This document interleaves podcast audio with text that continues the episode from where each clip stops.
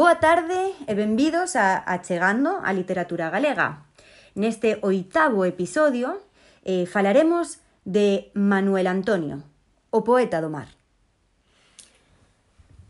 Con efeito, mm, é o poeta do mar por excelencia. Seguramente un dos nosos mellores poetas do mar. Non? E eu particularmente mm, sentín tamén unha gran atracción polo mar e dediquei unha pequena parte da miña vida a navegar. entonces tamén era lóxico que máis tarde ou máis cedo chegase a Manuel Antonio atraído precisamente por ese tema que nos unía, que era o mar, non? Como coñeci, coñeciches ti a Manuel Antonio? En, en, cando liches a súa obra?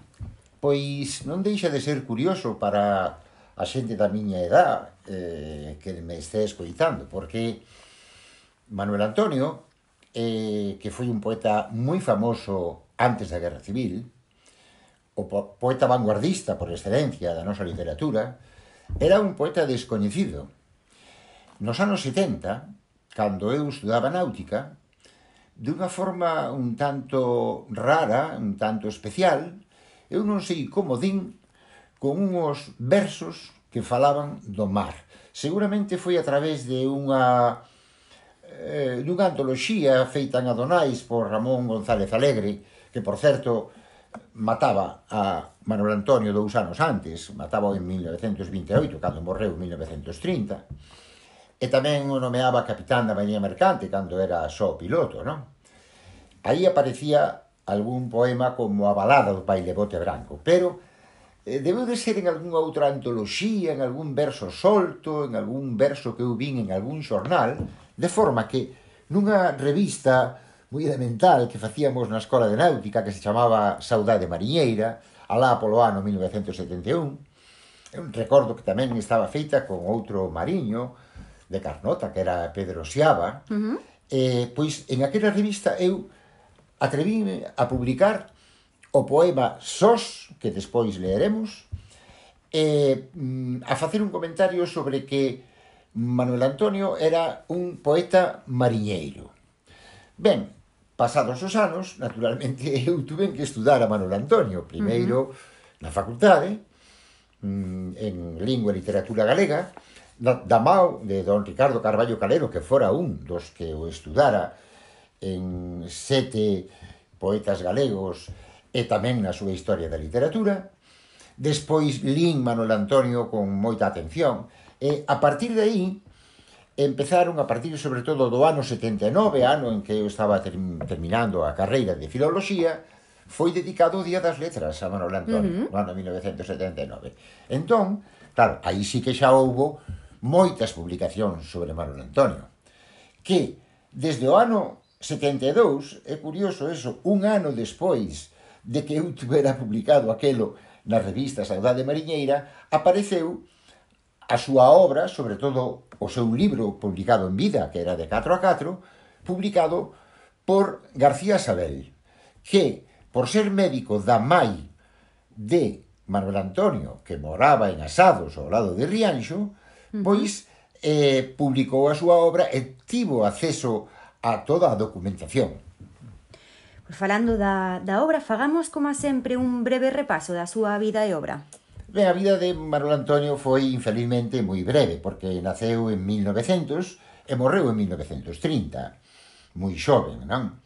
Mm, el era Manuel Antonio Pérez Sánchez, pero non vai pasar a historia por Pérez Sánchez, sino que conseguiu aquelo que el mesmo decía no manifesto máis alá, de que debía de ser tan original que debía de ser coñecido polo seu nome de pía, en este caso Manuel Antonio. El tamén asinaba Manuel Antonio, non?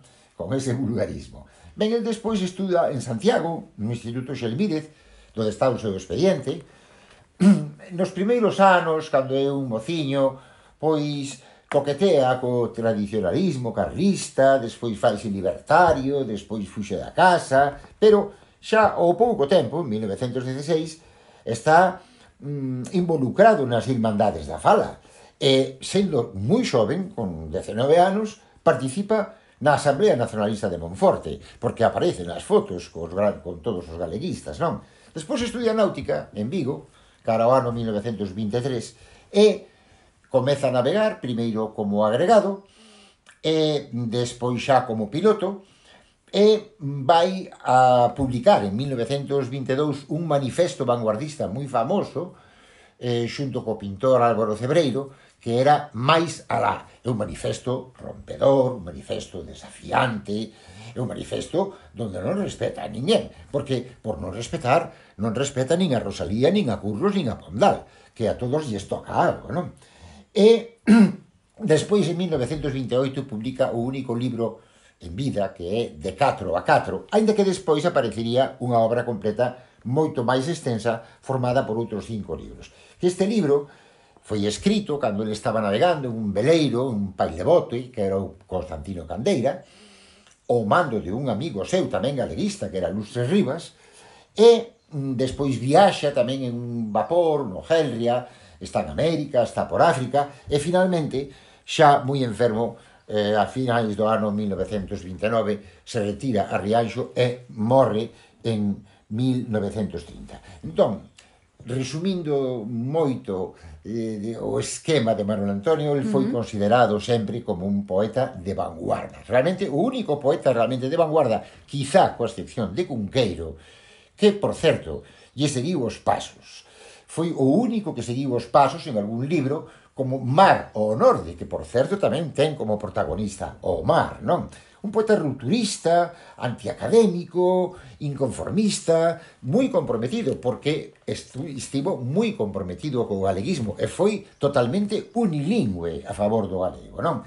Falando de Cunqueiro, quería mencionar algo que moitos coñecen, que é unha derradeira elexía a Manuel Antonio, uh -huh. que lle dedica Cunqueiro, que comeza dicindo diríamos que pedra para a tua fonte fría, para a tua alma mar, evento duro, e que termina con os versos impresionantes que dicen Nos non choramos, finamente tristes, tristes desconsolado ouvido, inacabável somos. Uh -huh. eh, chorando o máis vanguardista, o máis famoso poeta do seu tempo, o que el seguía. Uh -huh, precioso ese eh, Manuel Antonio é o poeta do mar, quen é o poeta da montaña?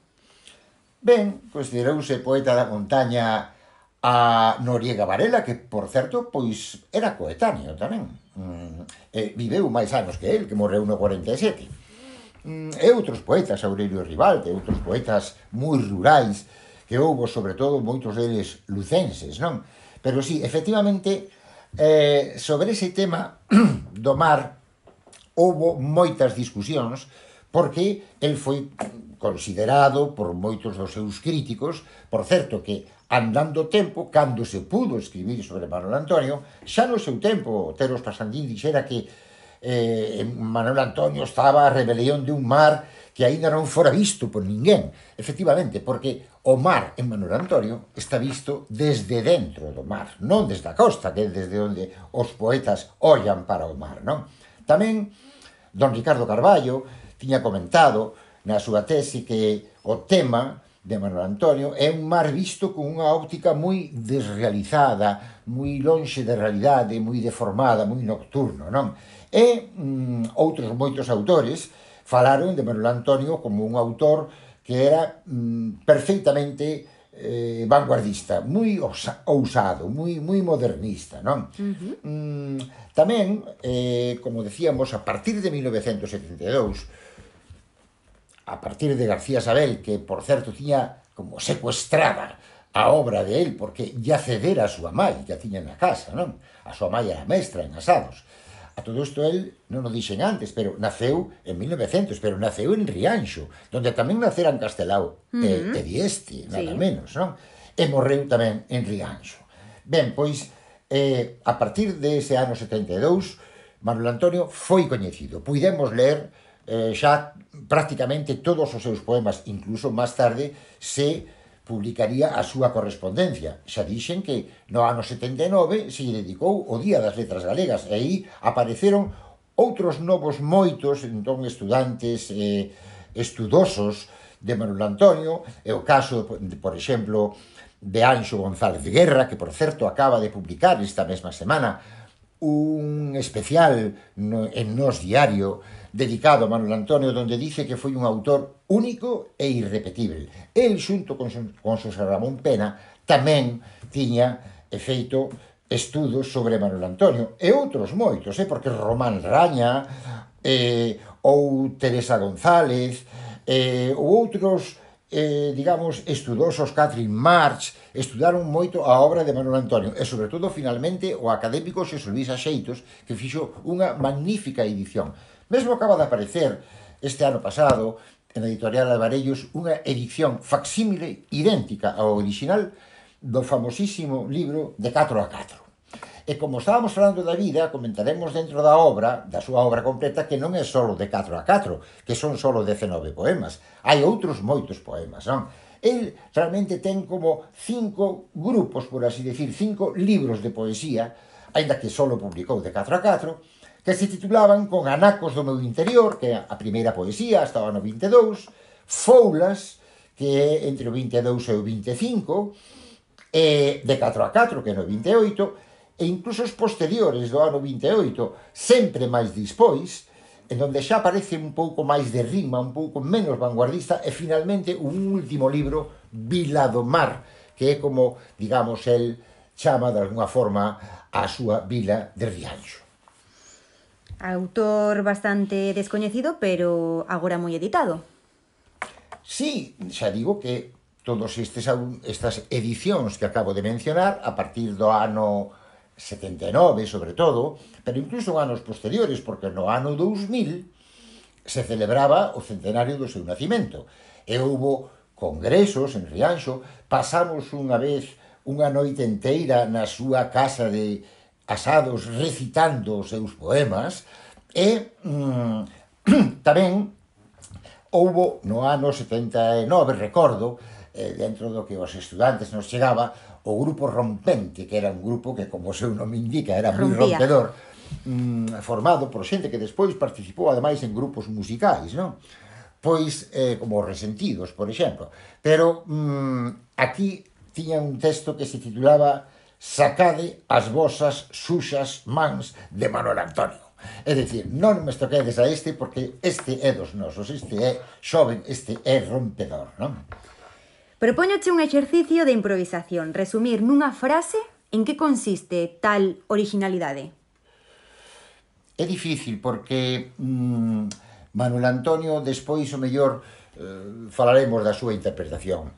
Eh, mm, Manuel Antonio eh, é vanguardista, está ben informado de todas as vanguardas que hai en Europa nos anos 20, entre outras cousas porque don Vicente Risco, de quen estaba a moitos kilómetros de distancia, digamos, eh, en canto a que era xoven, e un eh, eh, risco era moi clásico, moi intelectual, non? Don Vicente Na súa correspondencia explícalle punto por punto como son todas as vanguardias europeas, é dicir, como é o creacionismo, como é o impresionismo, como é o cubismo, como é o dadaísmo. El toma un pouco de todas esas vanguardas, pero fai algo distinto.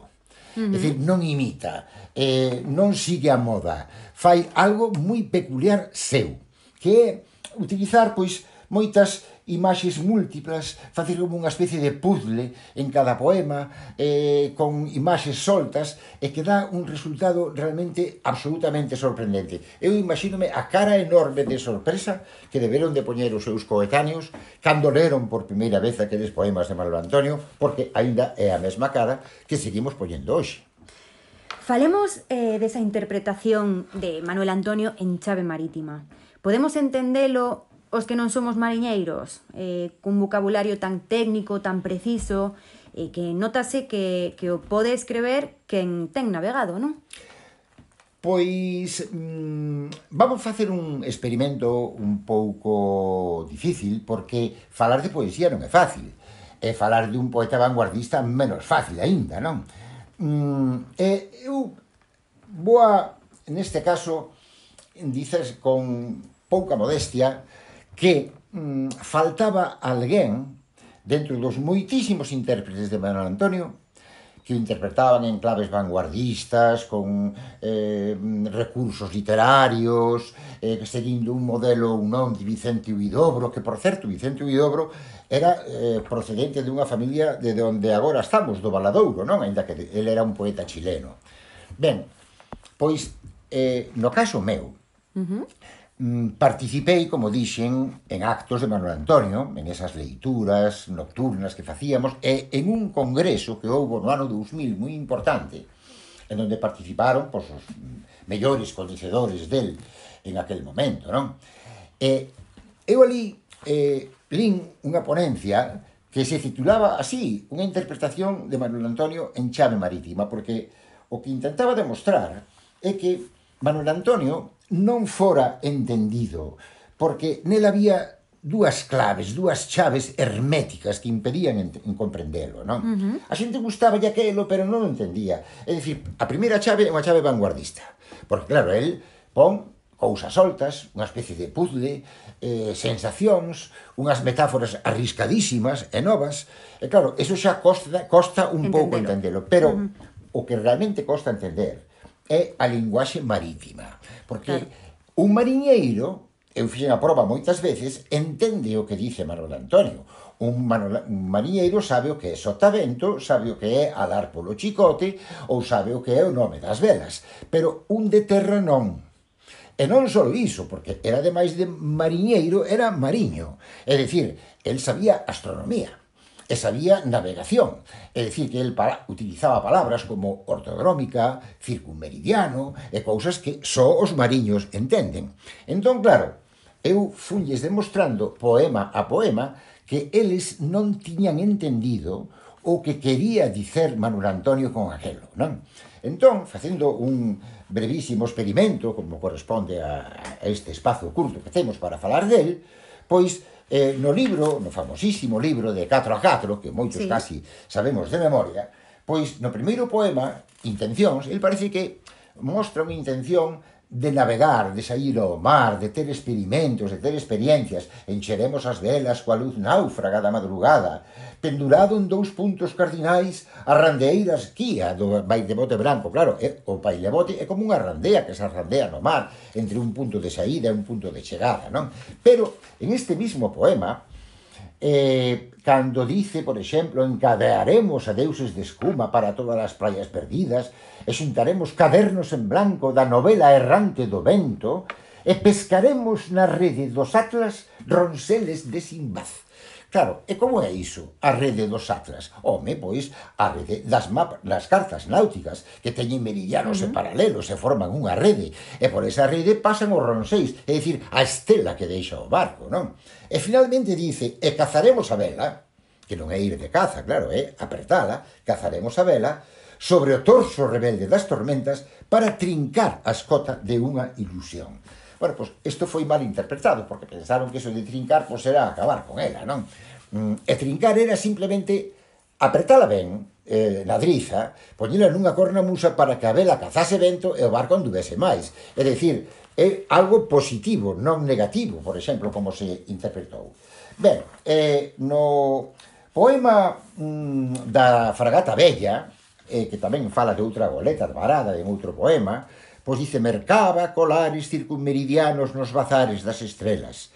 Amarrabas faros dispersos co simblador calabrote do roncel. É dicir, facía navegación de cabotaxe, os cabos dispersos, e parece que os unise con un calabrote, con unha corda, un cabo un grosso que estuvese vibrando, simblador, non?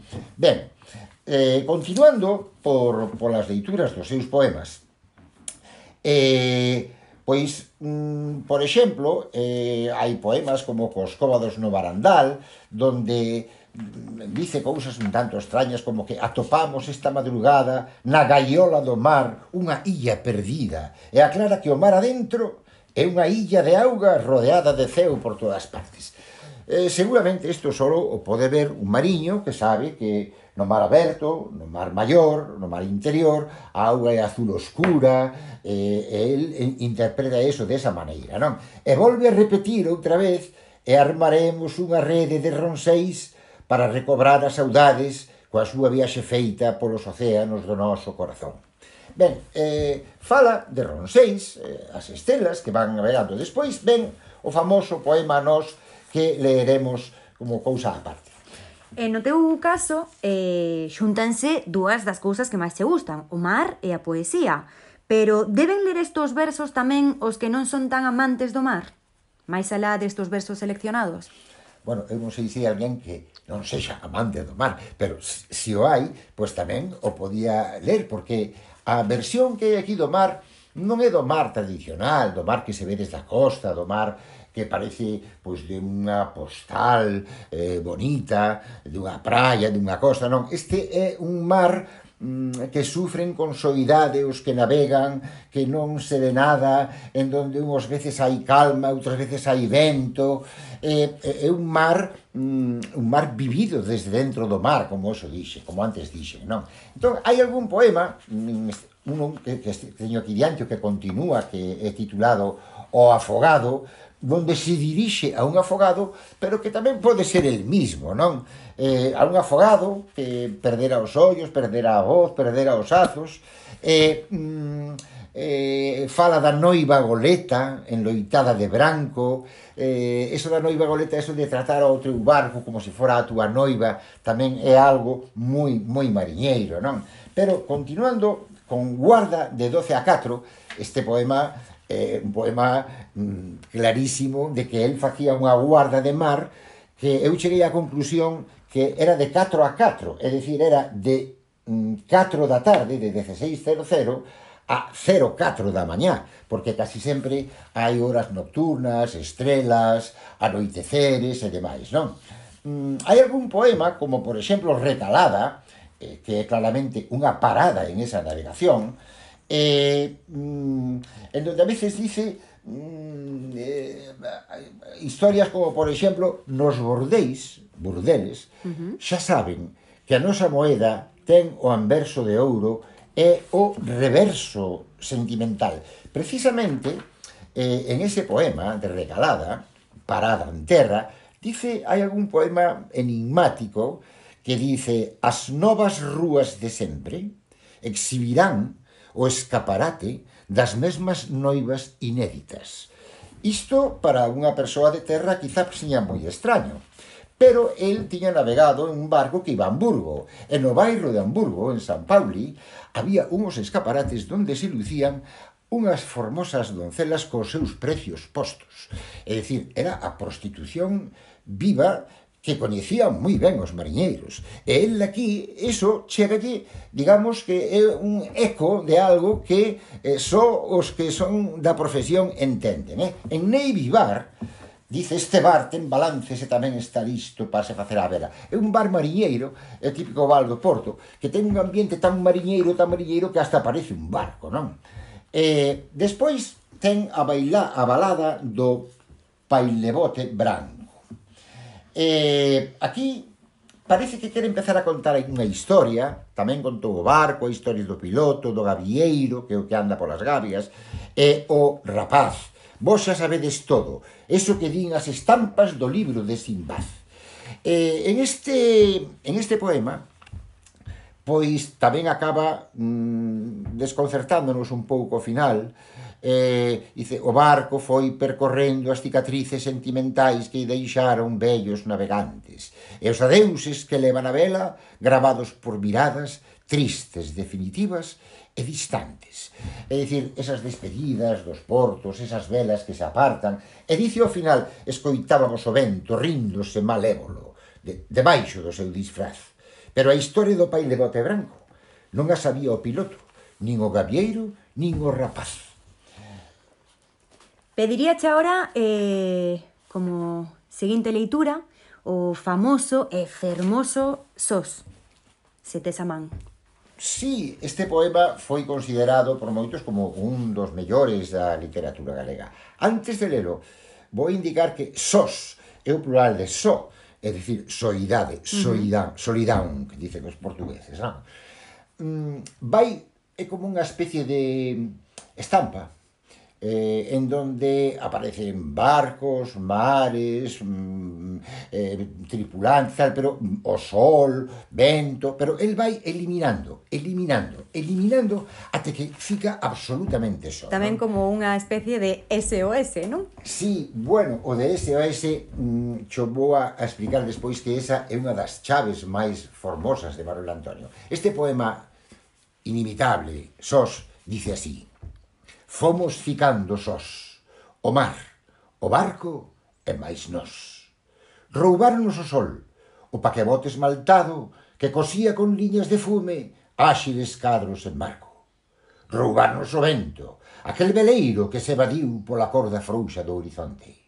Este océano desatracou das costas e os ventos da roseta orientáronse ao esquenzo.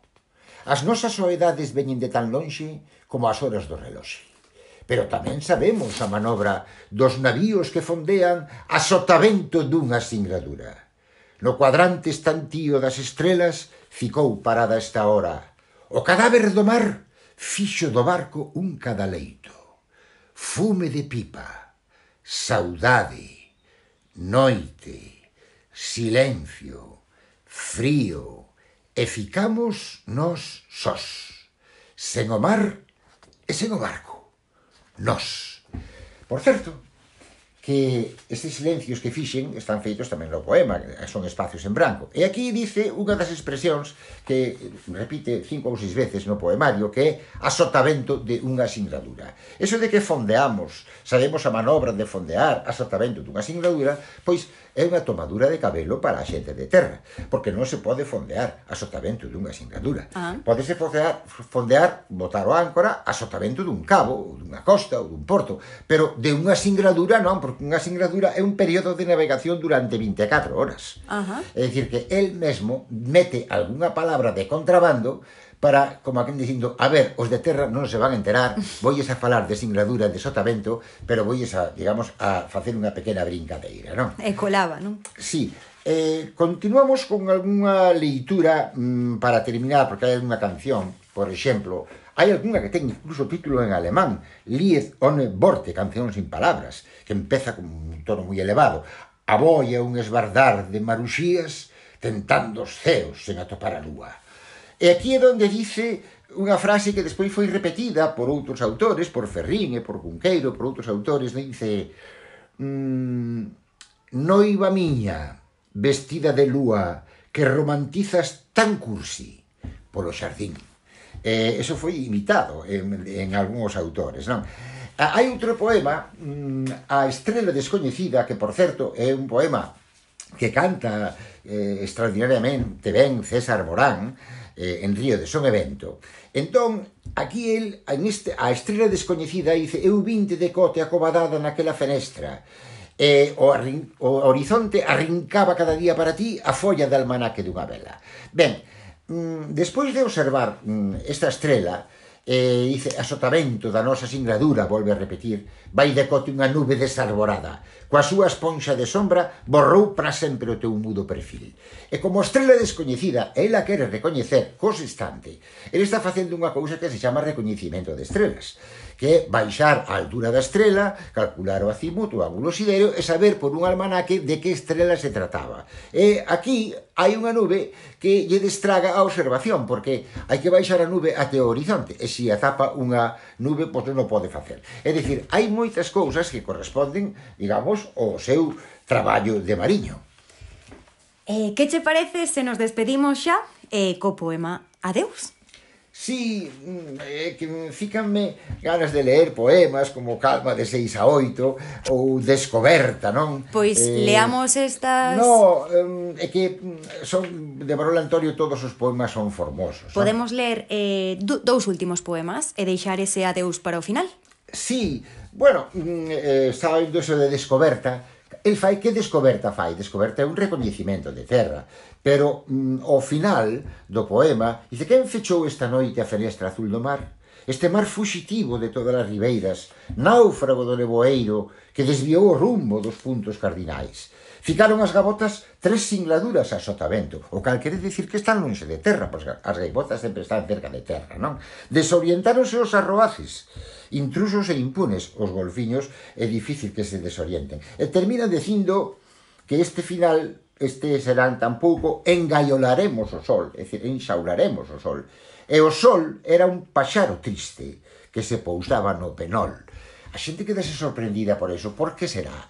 O sol iba alumando o barco, iba poñéndose, e o último que alumaba do barco era a punta do pau, o penol, que era onde se pousaban os páxaros emigrantes que andaban por aí voando, e que algúns bañeiros cociñaban bastante ben cando os cazaban ali, non? Ben, efectivamente, estamos chegando xa a mm, o poema sós. Pero antes disso quería aclarar unha cousa moi importante para min que é o poema sós. Eh, en este caso non sós de soledade, senón ese punto, o punto, ese punto. Eso é es. dicir, chamada de socorro, que dice Todos presentíamos que a noite preparaba algún sofisma e o faro, extraviado, daba o SOS no morse Clave Orión das Estrelas. Houve unha revista que se chamou Clave Orión, pero eles non sabían por qué. Por que isto é Clave Orión? Porque S o S, a letra S, son tres puntos en Morse, que son as tres estrelas Niala, Nilán e Alitac da, da constelación de Orión. Uh -huh. Entonces, por eso él simboliza en esa, en esa S O de Orión S outra vez, esa é a clave de Manuel Antonio, unha clave astronómica uh -huh. que lles pasou por diante casi todo o mundo sin entendela. E finalmente, como decías, mm, despois do reverso da noite, mm, pois está ese poema Adeus, donde el mm, se despide quen lle ordenou poñer este poema final seguramente foi Rafael Dieste que lle organizou os poemas desde unha saída ao mar, despois eh, unha navegación, e unha parada, en aquela recalada en Eivivar, e despois o regreso e a chegada final a Porto. En Adeus dice, entre a calima, esa mist en inglés, esa, sí, esa gruma, negua. non transpóndome o ollar esquivou o velamio, deixou nos abadía chea da súa ausencia e a mañá sin perspectiva. Agora en terra, arredado de min mesmo por un océano de singladuras, o vento da ría vai virando a folla de cada emoción. Debaixo dos meus pasos xurde o ronsel da vila natal, que é Rianxo, claro. Ela, cos brazos cheos de sono, teima salvarme dun naufraxo antigo. E os meus ouvidos incautos queren dormir no colo das cantigas vellas. Eu cacheaba todos os segredos das miñas man baldeiras, porque algo foi que se me perdeu no mar. Alguén que chora dentro de min, por aquel outro eu que se vai no veleiro, para sempre, como un morto, co peso eterno de todos os adeuses.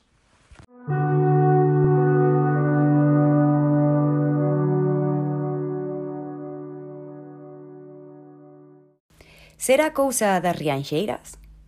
Será a illa en fronte? Que terá rianxo que nacen ríos de arte que desembocan e engrandeceron o mesmo mar? A cultura galega está en débeda coa barbanza. Dende o Monte Pena ou o Pico Muralla albíscanse as terras de Paio Gómez Chariño, Castelao, Dieste ou o noso protagonista de hoxe. Todos eles figuras chave da nosa literatura. De 4 en 4, de 4 a 4. E ata aquí o oitavo episodio de Achegando a Literatura Galega, no que nos reencontramos co máis auténtico e original vanguardismo galego.